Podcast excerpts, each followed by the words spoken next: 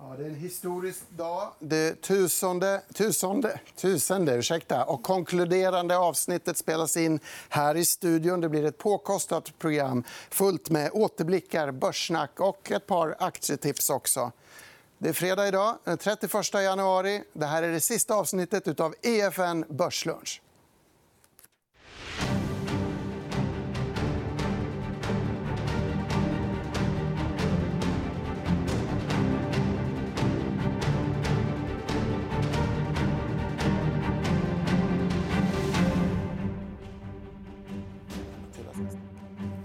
Ja, det stämmer bra, Gabriel. Lite sorgligt idag, måste jag säga. Men eh, Stockholmsbörsen är däremot lite gladare, upp 0,9% idag med rapportvinnare som JM i spetsen tillsammans med gårdagens vinnare MCC och SCA.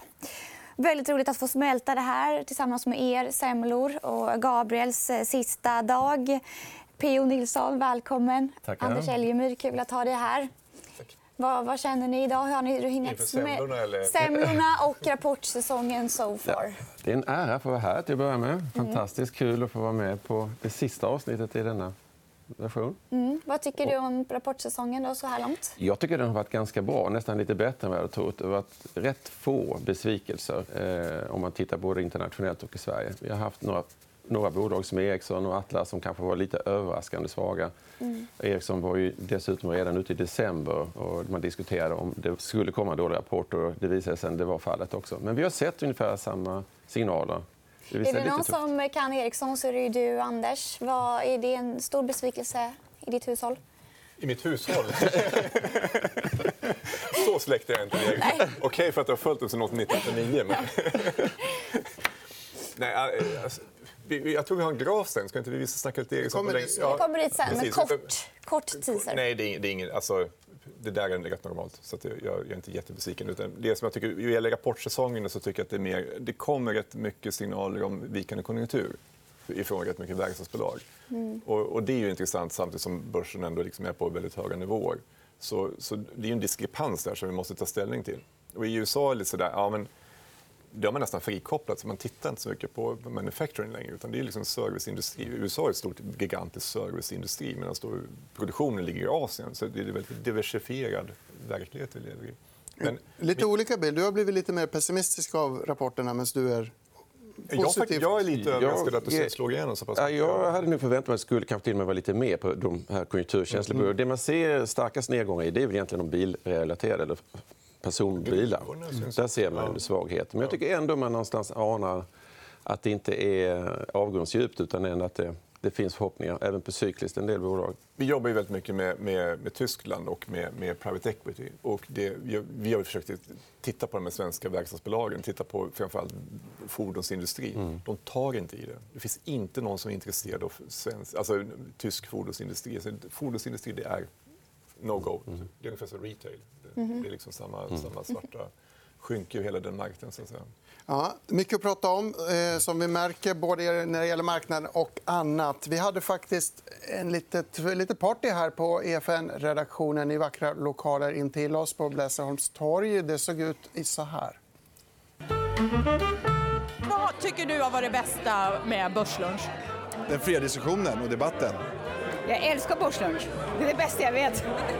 Nej, men jag tycker att det är väldigt så dynamiskt eh, format. Det blir aldrig för tråkigt. Det är ett fantastiskt sätt att ta del av hur eh, finansmarknaden tänker kring olika case. Att det är lite spontant, att det inte är superregisserat. Det tycker jag är... Det blir mer levande så.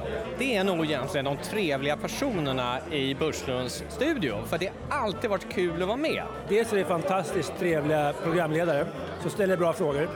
Och det är ett roligt sätt att kunna få ha en diskussion om intressanta ämnen. Jättekul att vara med. Det är kul att titta på när jag inte är med.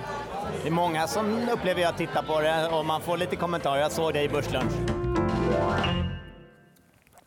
Ja, och mer minnesbilder lovar vi längre fram. Jag tycker att vi behöver prata om dagens rapporter. Vi har ju en händelserik dag idag. Vi kan väl ta upp en bild och se hur det ser ut. Eh, JM som vi nämnde i början, upp 7% Vi har Electrolux eh, på den negativa sidan, Epiroc och Dometic. Gabriel, pratar vi inte om Dometic här i Vi, vi varnade lite för Dometic vill jag minnas härom veckan. Och det är tråkigt att se att de backar. Har du någon Dometic-spaning eller ska vi snacka Electrolux hellre? Nej, jag tycker Dometic var svagt rakt igenom. Det var väl egentligen det enda som var någorlunda förväntat. Det var väl den nivå man la utdelningen på. Allt annat var väldigt svagt. Så att reaktionen känns logisk. Lux då? Lux är ju en tudelad eh, historia. Många älskar ju det här caset nu om eh, avknoppning av Professional. Och det kommer i mars. Då fick vi reda på nu att det var den 23. Eh, det som var lite negativt får man ändå ta fram det är ju det att de gjorde nu för andra kvartalet i rad ett bedrövligt resultat, Professional, som var ner 7 marginal och en väldigt dålig organisk tillväxt. Den var negativ på minus 7 och Man hävdar fortfarande att man ska kunna nå 15% i marginal i Professional. Och det är det som kittlar. Men eh, the proof is in the pudding. lite grann här. För att det är den värderingen som man lägger eh, den här avknoppningen på. Så att om man ska få det här till en köp då måste man verkligen tro att de ska kunna klättra upp dit. Och det är inte helt lätt. Två av deras kanske tre viktigaste konkurrenter ligger på 13-14% marginal. Så att, eh, risken är tror jag ändå att man kanske blir lite besviken. Men eh, vi får se. Marknadens favoritcase ger en besvikelse. Alltså. Någon rapport du kollar lite extra på? Nej, men jag tänker på, det, det är ett typiskt case man ska köpa i en uppåtstigande marknad men absolut hålla sig borta från en fallande marknad. Det, det är typiskt. Så, så... Apropå stigande, det var en del rapportörer från igår som har fortsatt uppåt väldigt kraftigt. SCA är väl ett exempel. Varför är det så? Jag, eh, vi pratade väl lite om SCA tror jag, i gårdagens program. Eller om det var innan. Och det, jag tycker att det är också en logisk reaktion. Man börjar upptäcka väldigt mycket vad SCA står för, vilka värden som faktiskt finns där. Bara som en liten anekdot kan man säga att, att bara det de kommunicerade igår så visade det sig det att de hade ju hittat om man det så, 11 miljoner kubikmeter mer skog. Det är 20 har stycken de fyllda det? Globen. Som De bara här- hittar det? Ja, de har gjort en ny eh, uppdatering av eh, sitt skogsinnehav och konstaterar det att vi har mer kubikmeter än vad vi trodde. Och dessutom så uppgraderade man också då sin tillväxt, den årliga tillväxten med en miljon kubikmeter per år. Så det här är en enormt fantastisk realtillgång med tillväxt. Så att, även om de gått upp idag så tycker jag det finns rejäl uppsida kvar på SCA. Om man tittar på tillgångarna lite mer för sig. Man har ju tidigare fokuserat för mycket på P-tal på hela bolaget. Men man måste lära sig att dela upp tillgångarna i lite mer den skogliga delen och de andra delarna. Mm, Ska vi lämna rapporterna, Gabriel, och prata om lite bud? Eller har du någon mer Ja, det kom känner att du måste... Även om Caterpillar blir spännande ikväll. Men du var inne på att eh, traditionella konjunkturmätare från industrin i USA inte är lika intressanta som, Det är super, för oss är det super, Caterpillar är superintressant. för oss. Caterpillar är ett av de bästa rapporteringssystem som finns i världen vad gäller vad som händer i världen. Så, men, de, de, de kan man alltid läsa med behållning bara för att försöka, försöka Mm. förstå konjunkturen globalt. Men, men om man tittar på inköpschefsindex i USA så det är 10% som är manufacturing och 90% som är service. Så att liksom, man ser ju hur hela, hela, hela världen håller på att omvandlas till en serviceindustri. Det blir ännu värre när robot, robotarna kommer och AI kommer. Det, liksom blir mer och mer, det är det vi ska leva på. Vi ska leva på att ta hand om varandra.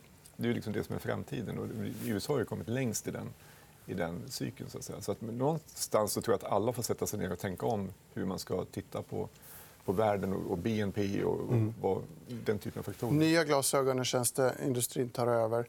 Vi fick eh, däremot gammal industri. Eh, Traton och alltså Scania-ägaren la ett bud på Navistar i USA. Eh, Vad säger vi om det? Ett logiskt steg. De ägde väl nästan 17% innan och man har haft en del samarbete på inköp sen tidigare. Eh, Jag tror att det har legat i koncernens intresse och mål att sprida sig även till USA. Men det, man kan säga negativt är ju att man betalar lite mer än vad man själv värderas till. Eh, Sen är det ytterligare ett, ett bolag som kanske behöver struktureras om lite grann och fixas till. Nu har man två stycken delar, både MA och det här, som man ska ta hand om. Så att ser man det på riktigt lång sikt så kan det vara bra att man överför Scania-kunskaper till de här två. Eh, Kortsiktigt så kanske det gynnar Volvo. Intressant. För att intresset Volvo... blir eh, mer internt fokuserat. Då. Ännu mer medvind för Volvo kanske. Då. De gick ju som tåget igår. Men nu tar vi en liten paus för lite nostalgi. Vi har grävt djupt i arkiven. Det här programmet startades ju med Jesper Norberg och Charlotte Stjerngren i förarsätet redan 2015. Vi har blickat tillbaka. som sagt. Kolla in de här gamla godbitarna.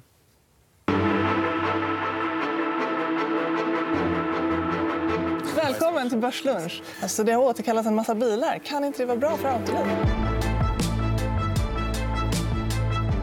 Välkommen till Börslunch. Här får du de smartaste analyserna. Under året så är det många som har tyckt till. Jag hatar fastighetsaktier. Read my lips, sell Statoil. Du kommer tjäna pengar. Det här känns som Sobi när de stod i 20 kronor. Ett jättedyrt skräpbolag. Ja, man får ju grotta på. Det är ju det som är lite kul med det här jobbet. Solklar swap är att sälja fastighetsaktier och köpa bankaktier. Det här är ju ingen aktie man ska ha för kommande rapport, utan den här ska man ha över tid. Pizzastrategin är bara något jag rekommenderar. Skivstången är någonting jag använder.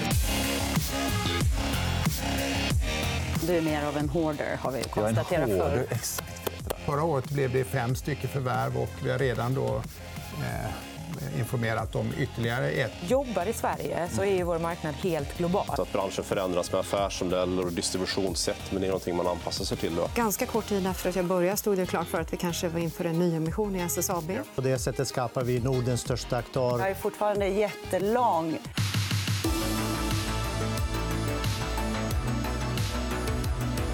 Jag blir inte jättesugen när jag ser den här grafen, inte med tanke på heller den utveckling vi har haft. Och eh, värderingen är inte utmanande som vi ser det i dagsläget. Vi borde ha fler oberoende mm. styrelsemedlemmar för att det blir så extremt mycket viktigare. Men jag tror att det är därför som vi ändå kan, eh, som jag i alla fall, inte deppar ihop helt. Det har varit en, en industri som inte har fungerat optimalt. De har ju mycket ammunition kvar och det tycker jag är väldigt bra för den globala ekonomin. Mm, en solklar swap alltså att sälja fastigheter och köpa banker. Det är lätt att hitta nåt att skratta åt i efterhand. Det är inte lätt att navigera framåt. Men en punkt vi vill nämna som var på slutet där. Det är att vi har försökt anstränga oss mer att locka kvinnliga gäster till studion. Finansbranschen ser ut som den ser ut. Det har varit eh, ett eh, ibland krävande arbete. Vi har lyckats ganska bra. Vi har kanske inte nått ända fram. Har du någon reflektion kring, kring branschen i stort? Varför det ser ut som det gör och vad man kan förbättra, hur man kan förbättra? Jag ska ut på hal is, menar du? Mm. Mm. Eh, nej, men alltså, det, det, det, är nästan så att vi får in hundratals ansökningar. En tiondel, en 15 procent kanske, är kvinnor. Vi tar ut dem, lägger dem åt sidan, för de får lite förtur. Vi vill gärna ha liksom fler kvinnor. Vi lyckas också attrahera fler kvinnor. Och så. Men, men jag tror att det är ett steg tidigare. Alltså de, de, det är inte lika många kvinnor som vill in i finansbranschen. De smartaste tjejerna, eller väldigt många av de smarta tjejerna, de går till juridik eller till, till managementkonsultdelen. Så, så det är liksom det färre som vi har att välja på. Men det här kommer, jag, jag skulle nog vända på det. Så att jag är mer oroad för killarna i nästa generation. För att du tittade på skolorna, tjejerna har bättre och bättre betyg än killarna. Så ni kommer att ta över på en eller två generationer. Men jag förstår att det liksom i korta perspektivet är, är liksom, ser dystert ut, men ur ett långt perspektiv då kommer ni att ta över. Mm. Så, så, väntar du två generationer? Ja, det är med glädje. Jag har två döttrar. Så de kan Ja. Hur ser det ut om vi blickar på vår Börslunds-studie? Ja. Topp 10 är nog bara män, skulle jag gissa. Ja, det gör det. Fredrik Skoglund var ju den första gästen här i Börslunch och en av de mest återkommande gästerna också. Han kan inte vara här idag, tyvärr, men han hälsar från Romme. Peo, som sitter här, du är en klassiker i studion. Du har varit här återkommande gånger. Du har nästan tagit upp på topplistan. Tycker. Vi kan väl titta hur det ser ut på de mest återkommande gästerna. Lars Frick har vi i ledningen med 39 program. Jag, ska, jag fick inte med den allra första datan här, men jag har med de flesta programmen. Johan Thorén tar en andra plats. Martin Nilsson, vi har Rulle, vi har Brunlid, Olavi, Skoglund, Wellfelt, Hallström, Sundling, Joje och Bornold. Vilken skara, va? Ja, stort tack då till Lars Frick och alla andra. Men det är så här, PO är inte den mesta gästen, men han är i ett avseende den bästa eftersom PO kammade hem guldplatsen i vår kära tävling Sommarportföljerna som vi kör varje sommar. Jag tror det var på pallen alla år, eller så gott som alla år. Lite frustrerad sista gången inför, men du lyckades knippa en guldplats. Det här är en svår tävling. Du har inte varit med, men det handlar om att välja tre aktier lång, en kort under några korta sommarmånader. Det är en vansinnig trade egentligen. Väldigt mycket tur, men också skicklighet. Tur? Vad, vad är hemligheten? Hemligheten? Nej, vi sparar alltid de bästa idéerna till EFN för vi trivs att vara här. Mm. Så det är kort och. Mm. Spara de bästa tricksen till EFN Börslunch. Och nu är det alltså. dags för... eh, är det slut. Och det är, men däremot är det dags för nästa film. Eh, vi ska titta om vad vi har pratat lite om i studion här under åren. Volatiliteten är det som är på tapeten just nu på börsen. helt enkelt. Det här är liksom så bra som det blir och är det här kulmen och piken. 30 års statistik säger att du får större delen av avkastning mellan allhelgona och påsk. När vi är i den här omställningen så kan det riskera att vi får rätt turbulenta marknader. Även väldigt initierade börstyckare ibland får de här koncepten fel. Det blir massa brus. Tyskland, då, liksom, den stora motorn, att de hackar är ju eh, ja, dåligt av många skäl. Och så har vi då Trump på det. Men det är Rovio i Finland och Novozymes i Danmark. Och det är Wärtsilä, XSL. Det kommer från en mängd olika sektorer och en mängd olika länder. Vi gillar ju när gästerna är oense och vi hoppas att så blir fallet idag när vi ska prata banker. Ja, nej, jag instämmer i... Nej, då. Nej, men börsens jobb är ändå att handla det som ska komma, inte det som har hänt. Ja, men i det här fallet så, att säga, så gick den ju ner utan att det här kom. Åtminstone. Ja, men om du tittar på grafen. Jag var absolut inte så imponerad över rapporten. Det är fascinerande hur, hur livrädda centralbankirerna är för lite lågkonjunktur. Ja. Börserna går ner lite grann. Det ja. bara låta det gå ner. Men är man orolig för konjunkturen köper man väl inte verkstad överhuvudtaget? Nej, man köper kvalitet. Det är där, det är där jag ställer mig. Ja. jag har svårt att se hur man ska tjäna pengar långsiktigt. Det är lite att hitta nål i en höstack, men eh, när man väl gör det så fungerar de här läkemedlen väldigt, väldigt bra. Småmolekylsläkemedel är väsentligt billigare att tillverka. Tittar man i år så har de här bolagen presterat väldigt bra på börsen. Får vi en produkt i marknaden så då verkar folk överens om att det blir en väldigt stor potential. Ja, många kära ämnen, många geografier, branscher, sektorer och annat genom åren. Men det tittarna har gillat mest det är ju aktiesnacket. När man snackar, tipsar om aktier, spännande case, värderar enskilda bolag. Så jag tänkte vi ska ge oss in i börslunch självaste kärna. Vi ska börja i fastighetssektorn. Eh, du var ju tidigt ute. I Klövern-fallet stack du ut hakan. Ett lite misstrott fall där du fick helt rätt. Analytikerna var skeptiska. Du sa att det här är bästa sättet att få en uppgång på 30% inom bara några månader. Jag har inte räknat exakt, men det gick ju väldigt bra. Mm. SBB är också ett kontroversiellt fastighetsbolag som många fina institutioner undviker. Kanske ingen köprek idag, men du ska hjälpa oss att närma oss, närma sig den här, det här bolaget. i alla fall. Mm. Jo, nej, det är ett bolag där det har hänt massor. Och jag måste säga att jag beundrar ju hur han har betett sig, vilken aggressivitet i mm. aktiviteterna. Och, eh, man har onekligen lyckats skapa ett väldigt stort bolag på kort tid. Så att, om man tittar tillbaka, vad jag tänkte i så fall ta upp, om man tittar bara vad som har hänt från deras Q3-rapport och ser nu fram till den rapporten sen som kommer här om några veckor så har det hänt en förfärlig massa saker. Att bara förstå detta som analytiker eller förvaltare är allt annat än enkelt. Det är man har köpt hem FOSA, man har löst in hybridkapital, man har gett ut nytt hybridkapital, man har gjort en riktad nyemission till Erlandsson, man har gjort en företrädesemission till befintliga aktieägare och så vidare. Så det har varit ett otal och man har dessutom eh, ingått ett avtal att man säljer ungefär 20% av det hemfosa man förvärvade. Och vad man då sedan landar ner i här under rapporten, det får vi se helt enkelt. Men det finns en mängd olika svåra saker. Dels vad är vi substansmässigt sett, det så kallade EPA-navet. Mm. Och var kommer vi att hamna sen på förvaltningsresultatet här för 2020? Och det är väl här jag tror lite saker och ting har gått isär. Det har stått en del i tidningar om det här bolaget. Men jag tycker ändå man kan notera en sak. Jag tog med en graf eh, när det gäller mm. hur eh, det här med navet ser ut. Och där kan man ju se då att om man, de två nedersta graferna representerar egentligen de här så kallade EPA-naven. Alltså de raka linjerna? De raka linjerna som går lite svagt snett uppåt. Och det är ju SBBs EPA-nav. Man tar det översta så är man snäll Då tar man inte bort latent skatt. Eh, och då justerar man också för, för räntederivat. Men det nedre tar man då hänsyn till en latent skatt som kanske är någonstans däremellan brukar man då hamna när man köper bolag. Sen så då ser man kursutvecklingen som har gått fantastiskt, vilket är kul för alla SBB-ägare. Och den här lilla streckade linjen, det var något nytt som kom fram i Q3-rapporten.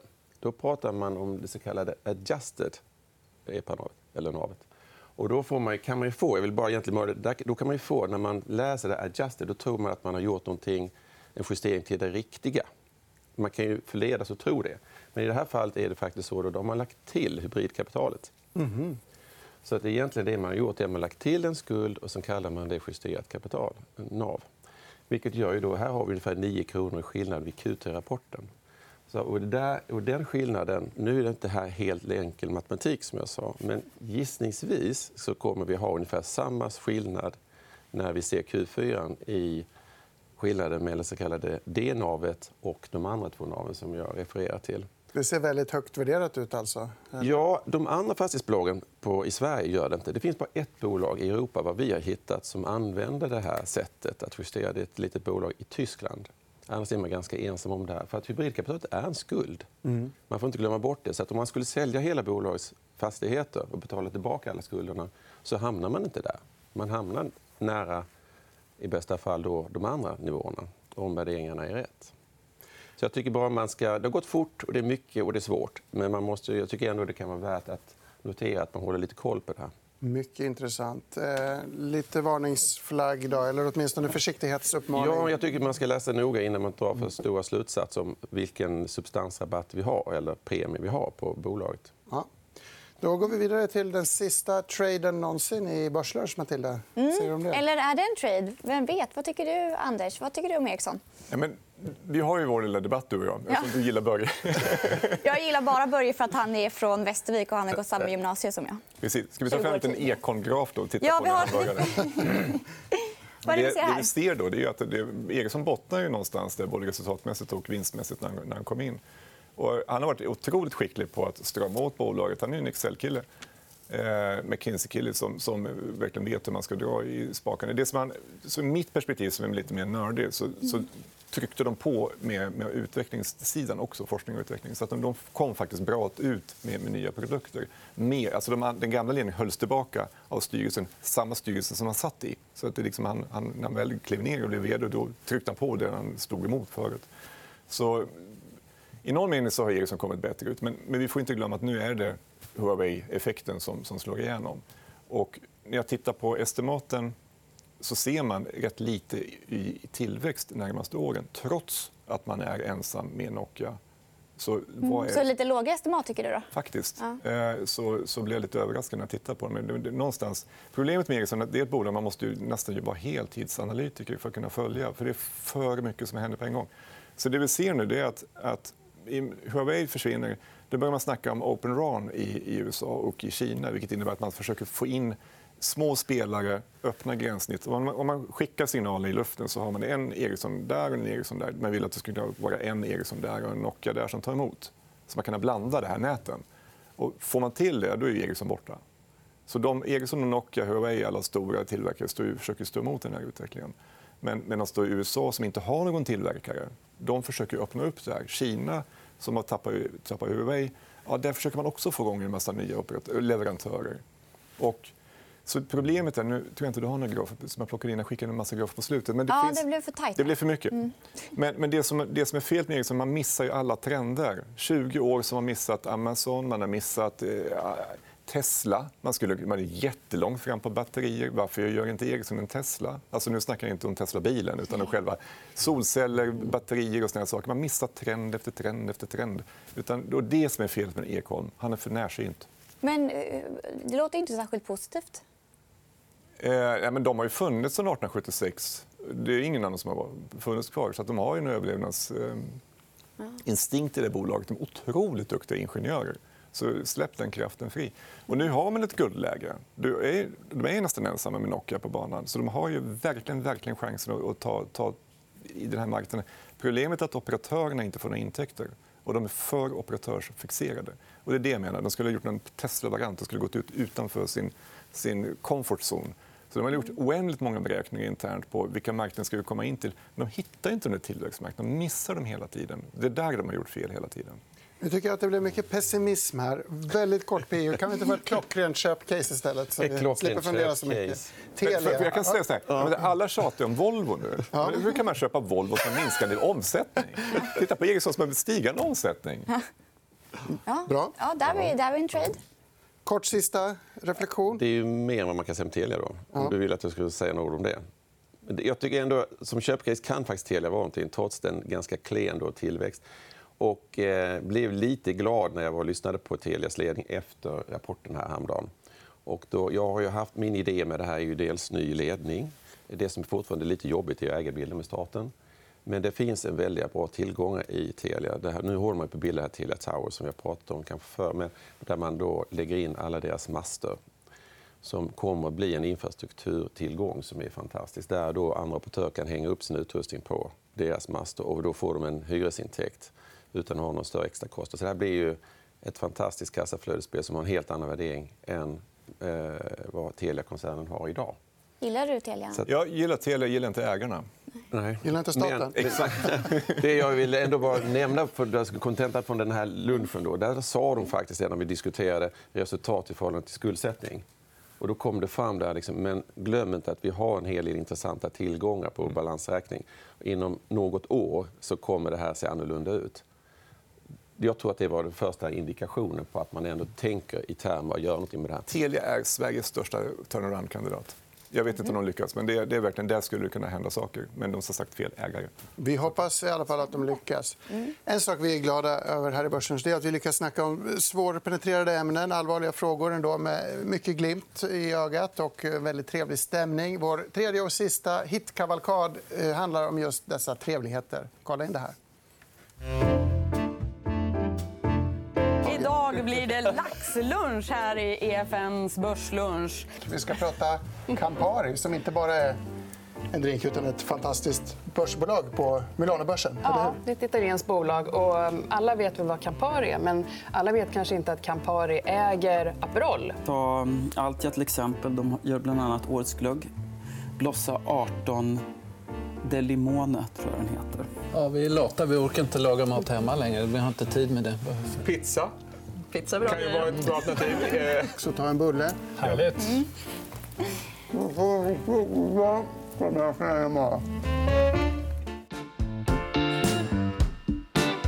Vad trevligt! Där kommer Matilda. Där kommer ju lussekatter. Oj, oj, oj. Swoosh, swoosh. och kursen motsvarar 500. Det har varit en split vill jag säga till alla tittare. Att... En fantastisk rekommendation. Ja, grattis. Grattis! Välkommen. Tack så hemskt mycket. Du får nästan först berätta vad är det vi har på huvudet. Eller vad är det? En kursgård plus. Kursgård plus. En kursgård plus. Så då tänker man på en röd byggnad det är så här jättelångt ute i skogen. Nej, nej, det här är bra grejer. Här har vi Sveriges och Smålands stolthet. Jag trodde jag var Smålands stolthet. Ja. Och vi ska titta på vår favoritgraf här. Då. Låt oss vara långa. Livet är kort, gå här, det kan faktiskt gå ner ibland. Det kommer göra det. Eh, men, men allt var ju väldigt trevligt. Pappan var alltid så glad och snäll. Det var en väldigt gullig familj. Rött, rött, rött. Vad var det som fick er att få upp ögonen för det här? Ni har ägt det ett tag. Fortnocks halvkända kusin från Norge. Hur har ditt börsår varit? Ja, det är kul att du frågar, för att det börjar ju katastrofalt. Det har varit en fantastiskt rolig och inspirerande resa. Det finns otroligt mycket pengar att använda. Kommer det bli någon förändring? Oh, där börjar. Pave. Och tack för att ni kom. Ja, vi har haft eh, väldigt roligt. Och väldigt roligt att vi fått förstärkning i studion i form av Micke Levin. Ja. Varmt välkommen. Det är klart att du skulle vara med i sista programmet. ja, det är en stor ära. Som, Ja. eh, Ja, det har sagts tidigare här, det är en epok som förändras. Mm. Ja, men det var, det var, du sa det väldigt fint. Tycker jag, där. För att det kommer ju något nytt också som vi ska gå in på lite senare. Men du ska faktiskt hjälpa oss att blicka framåt eh, Ja. mot eh, 20-talet. Och vi ska börja med en historielektion, eller hur? Ja, precis. Det här är ju ett minfält som heter duga och försöka ställa prognos då på, på eh, ja, 5, 10, 1 års sikt. Liksom. Det, det är i princip omöjligt. Men om man väljer just det här decennieperspektivet så har ju norr, eller, vad ska jag säga, 2000-talet, det nya millenniet eh, distinkt olika 00-talet och 10-talet. Och jag tror jag fick med någon graf där. På, Ja, vi har lite på- grafer. Vi på har där. eh, 00-talets Och, eh, besvikelse. Precis, bara för, för att illustrera hur aktier klarade sig under eh, 00-talet. Då. Så det börjar ju med en skakning på undre däck där 6 mars. Jag vet inte, var det H&M som vinstvarnade? Jag är lite... Vilket år är vi på nu? 2000. Ja, då vet jag ingen. toppen på it-bubblan. Det börjar med Intel. Var det det som det... Ja, det ja. Och sen tror jag H&M hade någon riktig sån här... Det är ju IT-kraschen. Stinker. Ja, men IT-kraschen. Ja, och så drog det ner där. Det blev väl 69,3 procent tror jag på Stockholmsbörsen från topp till, till botten. Och så kravlade vi oss upp och så small det igen då med, med den här finanskrisen. Så att aktier som tillgångslag var ju, ja, det var ju en minus Eh, en förlust helt enkelt under 00-talet. Jag ska tillägga att svenska aktier kom ut något bättre, eh, strax över nollan där på den här tidsperioden. Men just som tillgångslag så förlorat årtionde. Och så glider vi in på 10-talet där historien är i princip den, den, den omvända. Om man blev underkompenserad på 00-talet så blev man väldigt överkompenserad här på, på 10-talet. Det är lite olika tillgångslag och det spelar egentligen ingen roll var vi tittar i den här grafen, vilket tillgångslag vi, vi använder. Eh, man har fått väldigt, väldigt bra betalt för den risk man har tagit under, under 00-talet. Och om nu det här teorin med mean reversion stämmer på något sätt så okay, det blir ju aldrig min. Men det har ju en tendens att liksom söka sig tillbaka till det långsiktiga snittet. Och globala aktier ska ju ge någonstans runt 7 7,5% per år. ungefär. Är det nu du kommer att säga sälj allt? Nej, det, det, det kommer jag inte göra. Det, det, det jag säger till våra kunder det är att liksom moderera förväntningarna. Ni har ju fått oavsett vad ni har haft de senaste tio åren och framför allt från 2014 och framåt så har det varit liksom en raketresa. Mm. Och det farligaste, åtminstone för en långsiktig sparare, det är ju att börja extrapolera och tro att det här är det normala. För det är det inte. Och jag tror att 20-talet, om jag då ska ha någon sorts prognos på det eh, det kommer inte nå upp till de här avkastningssiffrorna. Det kan vara helt fel, det är tio års sikt, vem vet? Men jag tror att man bör ställa in sig på en annan utveckling än att få 200 Mm. på tio år på aktier. För det, det, det var för mycket. Han har varit lite bortskämd. Det kan man lugnt säga. Och eh, det är ju som sagt det är ju oftast ja, ja, när det är som, som eh, högst eller man, man tycker att den här gången ska träden växa till himlen. Det är då man fattar de sämsta besluten utifrån sin portfölj. Och det är värt att ta i beaktningen när vi då går in i 20-talet. Vill du sticka in något? Ja, jag tänkte ge dig en straffspark. Eh, En straffspark. Så här, om vi tittar på 30 års sikt så har vi gått ifrån en hög inflation till en låg inflationsekonomi med jättelåga räntor.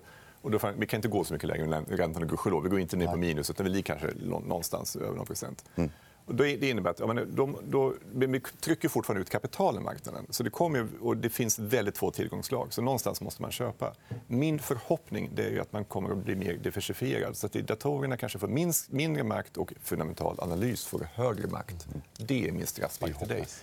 Det får vi hoppas. Men du skulle säga något positivt där. Jag kan säga något om PO istället. Bakom oss så kan vi rulla en rolig film. Våra företrädare Jesper och Charlotte gjorde ett par väldigt lustiga djupdykningar. Fiktiva börslunchdokumentärer från för länge sedan. Stora börskrascher. Den kanske bästa filmen är PO och Johan Thorén med i. Den rullar bakom oss. Och den beskriver förra 20-talet. Kraschen i slutet på 20-talet. Man hänvisar till, det här är kanske lite svårt att snappa upp om man tittar på det här klippet, vilket jag rekommenderar alla att göra. Men man hänvisar till Irving Fisher, den kanske första kändisekonomen som pratade om en permanent hög platå för aktier precis innan kraschen. Och jag som är konspiratorisk, jag tycker att nu pratar vi om att evigt låga räntor tar bort svängningarna och det känns som att vi är på en permanent hög platå igen. Det är helt rätt. Och- det som är problemet är att vi vet inte vad centralbankerna kommer att göra. Så kan de fortsätta trycka ut pengar i marknaden, ja, då är vi på en hög platå. Kan de inte göra det, ja, då kommer den platån att försvinna. Jag vill ha platåsvar från alla. Vad säger du? Jag delar helt den uppfattningen. att Det sitter ju faktiskt i penningmängden och centralbankernas öde. lite grann det här. Så skulle vi få få en rörelse uppåt så blir det andra avkastningskrav och andra tider. Garanterat. Vad är din platå då, Micke? Eh, ja, du. Det, nej, men det, är- det är ju som sagt som, som har sagts. Det är okända vatten. Vi har centralbanker som har varit ute och, och eh, hittat på ja, mycket funky shit de senaste eh, ja, i princip tio åren. Och, eh, vi har ju så få exempel att liksom jämföra med. Det finns ju inga historiska prejudikat. Man försöker gå tillbaka till den här 29-kraschen och efterföljande. Det depressionen. tvärt- det var. Ja, precis. Det, det är en annan sak. Så det, är, det är just okända vatten. Men klart är att centralbankerna har ju styrt det här årtiondet till ja, till väldigt stor del, skulle jag vilja säga.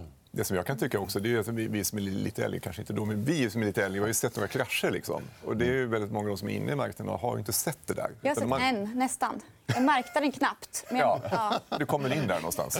Ja, jag hörde att folk sa att de blev av med jobbet på, på Ny- Nyhetsmorgon ungefär. Det var väl det jag uppfattade. Av Ja, och det, folk vet inte vad arbetslöshet är för någonting idag. Alltså Nej. det, det, det finns liksom inte i medvetandet. Så att, men, det, det är ju ett litet grann ett problem i finansmarknaden att alla tror att det bara ska fortsätta uppåt. Vi vet att det kommer att- komma krascher. Det, det är faktiskt en, en skön trygghet.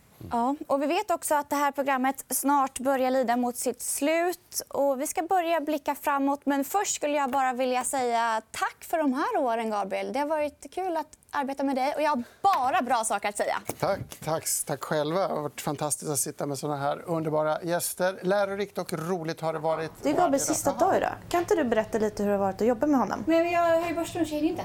Ja, men det ska inte sändas. Det ska bara vara som avtackning. Ja, lite snabbt då. Ja, fint.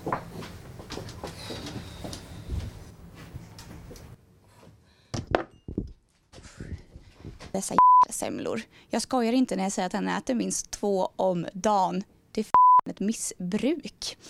Och jag var på, på Riddarbageriet i helgen. Kommer de fram till mig och säger så här. Du, är inte du han semmelätarens kollega? Helt sjukt. Men de var ändå glada för de berättade att intäkterna har skjutit i höjden sen Gabriel började gå dit. Fantastiskt. Och sen så marginalerna, de har förbättrats jättemycket för han köper ju alltid två semlor. Och han äter ju aldrig på plats så de sparar ju alltid in på disk. Men däremot har veteterminerna exploderat. Mandelpriset helt eh, fasansfullt.